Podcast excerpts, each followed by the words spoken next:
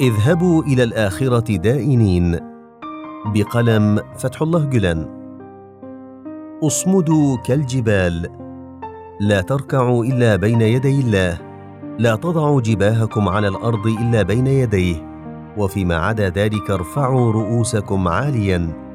طريقكم هو طريق الحبيب المصطفى صلى الله عليه وسلم وطريق الأنبياء. واصلوا السير فيه دون أي تردد. أما الافتراءات التي يوجهونها إليكم فأنتم منها براء وضمير المجتمع يسخر منها. هؤلاء الحاسدون الحاقدون يتسترون على عيوبهم بالافتراء عليكم. يقولون عنكم حشاشين قرامطة تنظيم إرهابي فرقة ضالة.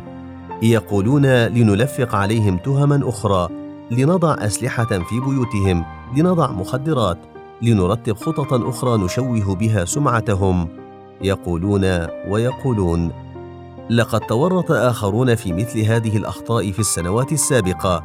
افتروا علينا وهم مئات دون مبالغة مئات. فعلوا ذلك ثم ندموا وجاءوا يطلبون العفو والسماح. هم هكذا يقولون عنكم ويسيئون التصرف في حقكم. ولكن أنا سأقول لكم شيئا آخر. وأرجو منكم رجاء خاصا.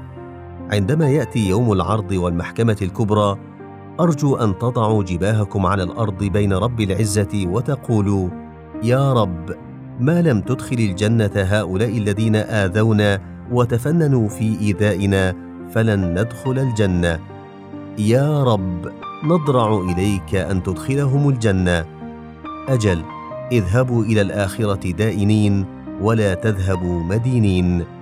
إذا ذهبتم دائنين فسوف تتاح لكم فرصة إبداء هذا السلوك النبيل هناك. أقول لكم لا تضيعوا هذه الفرصة.